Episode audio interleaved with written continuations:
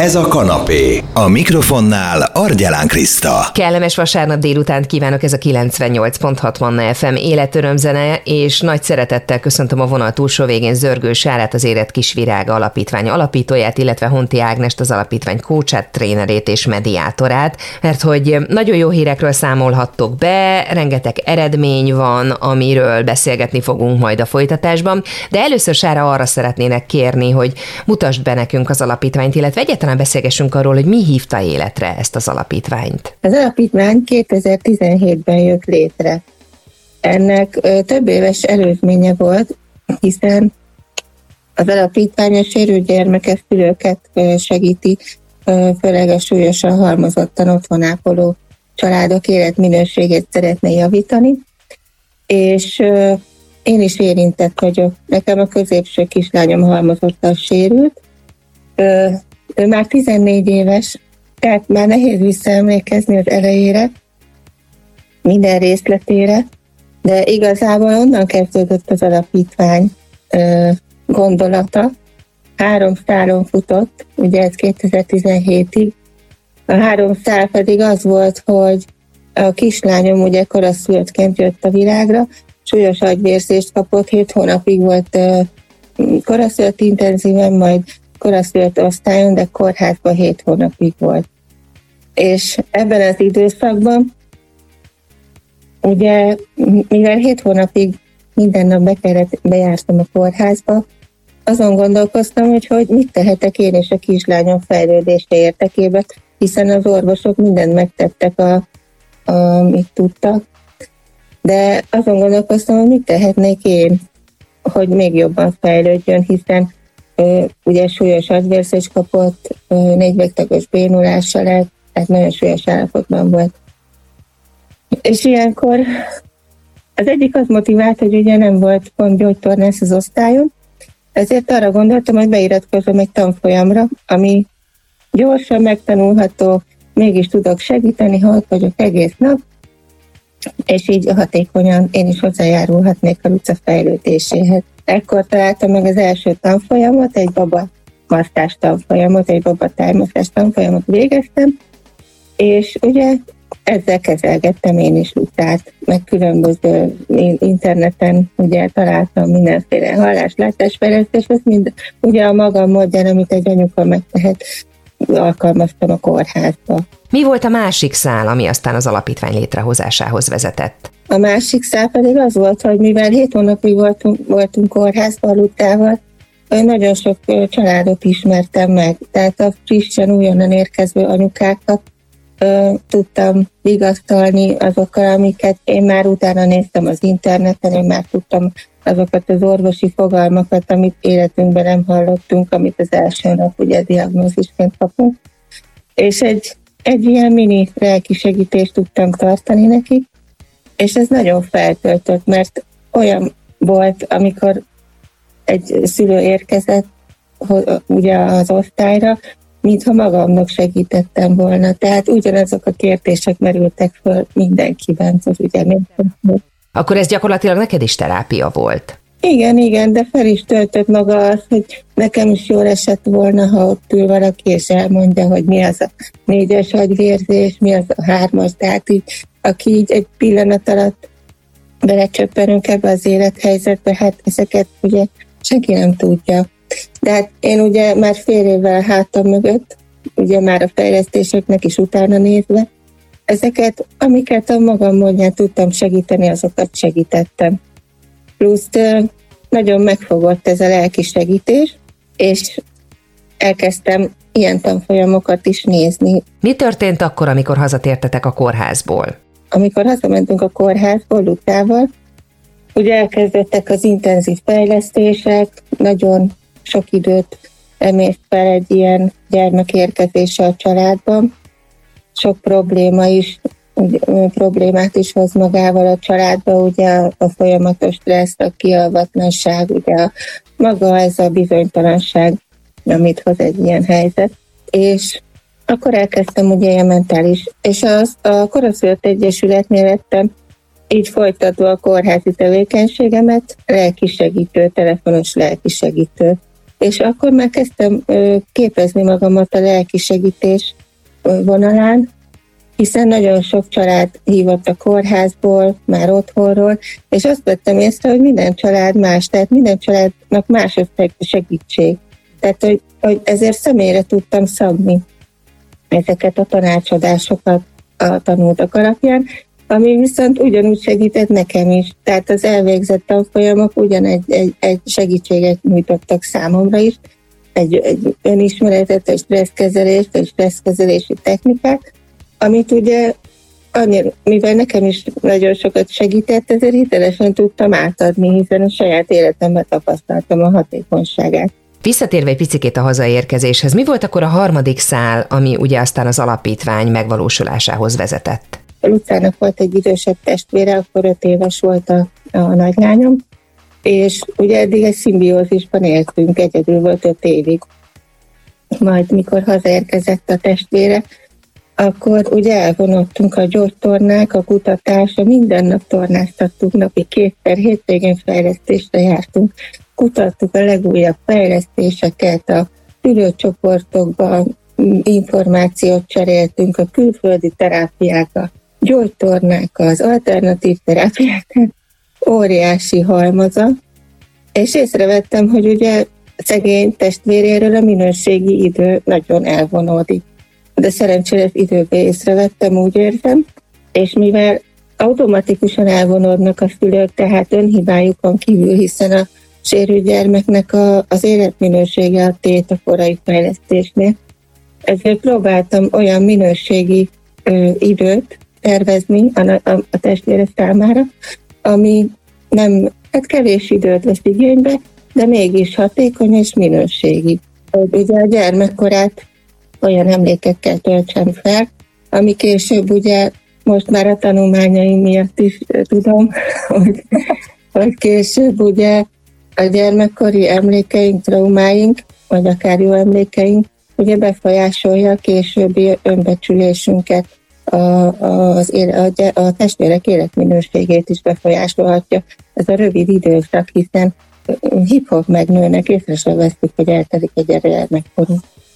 És ebből a három irányból hát össze, ugye ingyen kezeltem a szülőket, a fejlesztőbe is, az óvodába is, és akkor állt össze ez a három szál, hogy, hogy ami az én életemben segített, a segítőpontokká váltak, azok a szolgáltatásként beemeljem az alapítvány munkájában. Tehát kialakultak a szülősegítő programok és a testvérsegítő programok. Nagy lépés történt az alapítvány életében, hiszen pályázat során elnyertétek a pénzügyi hátterét az ingyenes szolgáltatásaitoknak. Mesélj akkor ezekről is. Hát a tanfolyamokon ugye olyan szakembereket ismertem meg, akik egyszerűen hálával tartozom a sorsnak, hogy, hogy ilyen embereket sodort az életembe, akik mind lelkileg, mind, mind szakmai tudásukkal olyan ö, minőségi szolgáltatást tudnak nyújtani, hogy felkértem őket, hogy az alapítványba mint szakemberek dolgozzanak, és így tovább tudjuk segíteni ezeket a családokat. Az egyik tanfolyam, amire jártam, life coach vagyok, életvezetési tanácsadó, és ott találkoztam a Monti Ágival, ahol egymásra találtunk első pillanatban, és az alapítvány szolgáltatásai, ugye mi pályázatokból már több ilyen, ilyen tréninget szerveztünk, de most egy éves támogatást kaptunk meg. Egy Váci helyszínen tudjuk ezt biztosítani a Mind stúdióba a Dunaparton egész évben, és Budapesten az Ági saját irodáját ajánlotta föl erre a célra, és akkor át is adnám a szót az Áginak, hogy elmondja, hogy miket lehet ott igénybe venni. Honti Ági is itt van velünk. Ági, mit lehet itt csinálni? Szóval én a Sárával találkoztam egy képzésen, és így egymásra néztünk, és így tudtuk, hogy mi folytatni. Én is a segítő szakmába jöttem, és folyamatosan fejlesztük magunkat, egy kulcsképzésen találkoztunk, és éreztük, hogy a kettő meg kettő az hat lesz, tehát a szinergia fellép, és kitaláltunk egy alkotással egybekötő tematikus napokat, mert hogy azt beszéltük, hogy hogyan lehetne ebből a helyzetből, hogy ugye mindig az a lényeg, hogy vagyunk egy helyzetben, hogy azt hogy tudjuk a legjobban kihozni ebből a helyzetből a kiégés ugye a legmagasabb szinten van a sérő gyerekek ápoló szülők között, és hogy ezt hogyan tudjuk, és erre találtuk ki, hogy alkotással egybekötött műhelyt fogunk létrehozni, és na erre kaptunk egy pályázatot most, és ezt szeretnénk itt mondani, amit te is kérdeztél, hogy nagy szeretettel várjuk azokat a szülőket, akik akár csoportban, akár egyedileg, de ezt majd a Sára elmondja, én a tematikus rapokból pár szót szeretnék mondani, hogy hogyan szokott ez zajlani. Ez, az előrevívő beszélgetés az nálam van Budapesten, ott is szokott lenni megváltozón is. Például volt uh, grincsfa készítés, és azt képzeld el, hogy ahogy készítették a grincsfát, most kaptam pont a visszajelzést, hogy meddig lehet eltenni, mert nem akarjuk kidobni, mert ugye ez önismerettel és személyiségfejlesztéssel együtt és játékokkal, azt mondja, nem akarjuk kidobni, meddig lehet eltenni, mert visszajön az érzés, amikor ott voltunk nála, és együtt voltunk. Tehát, hogy ez nagyon sokáig megmarad ez az érzés bennük, amikor ilyen tematikus napokon vannak az összetartozás, és azt szokták visszaérezni, hogy ez hiánypótló nekik. Rengeteg mindenről szoktunk az asszertivitásról, az érdekérvényesítésről, ami nekik nehéz, ugye egyedül vannak otthon, és mindig azt jelzik vissza, hogy nagyon nehezen indulnak el, de amikor ott vannak az együttműködés, az annyira fontos, és a csoport ereje. El szeretnék mondani egy mostani példát, egy hete tartottunk a hálával kapcsolatban egy tréninget, kimegyünk, mert hogy ezek a pályázatok is úgy vannak, hogyha kérik, ki is megyünk hozzájuk, mert nagyon nehezen tudnak mozogni, és pont egy hete volt, képzeld el egy olyan, hogy hölgy, teljesen véletlenül, hogy nincsenek véletlenek, de teljesen véletlenül az ismerőcsöm ismerős, aki 20 éve nem mozdult ki, mert otthon ápol, mondtam neki, hogy próbálja rábeszélni, és jöjjön el. És eljött, és azt mondta, hogy ugye lesz még ilyen, mert hogy ő nem jár el sehova, és hogy szeretne ehhez csatlakozni. Úgyhogy azt gondolom, hogy ennél nagyobb dolog nincs. Mennyire okoz nehézségeket a társadalmi fogadtatás például? Tehát, hogy ezeknél a családoknál, akik ö, fogyatékos gyerekeket nevelnek, mennyire kell megküzdeniük azzal, hogy 2023-ban még mindig nem nagyon tudunk mit kezdeni azzal, hogy szembe jön az utcán velünk egy ilyen gyerek például, vagy egy ilyen család? Hát igen, ez, ez is egy összetett probléma, hiszen itt is minden család más, hiszen még ö, olyan különbség is van, hogy ö, ki hol lakik vagy városban, vagy vidéken, milyen közösség veszi körbe.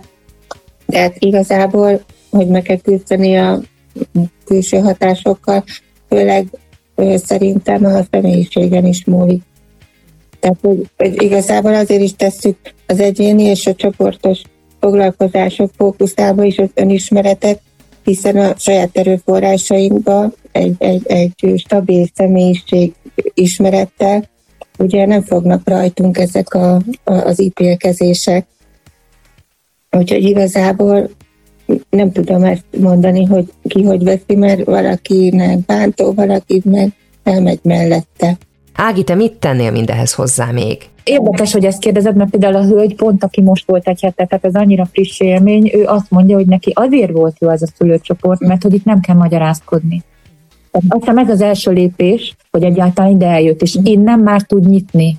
Te, Sára, egyébként hogy élted mindezt meg? Én a saját életemről tudok beszélni. Én például, amikor uh, új közösségbe került a testvére, ugye én első nap vittem a Lucát mindenhová, hogy mindenki tegye fel a kérdéseit, mindenkinek tudjak válaszolni, mert valaki például szülő nem az, hogy uh, ítélkezne, vagy vagy, vagy nem jó szemmel nézni, hanem egyszerűen csak nem tud jól kérdezni.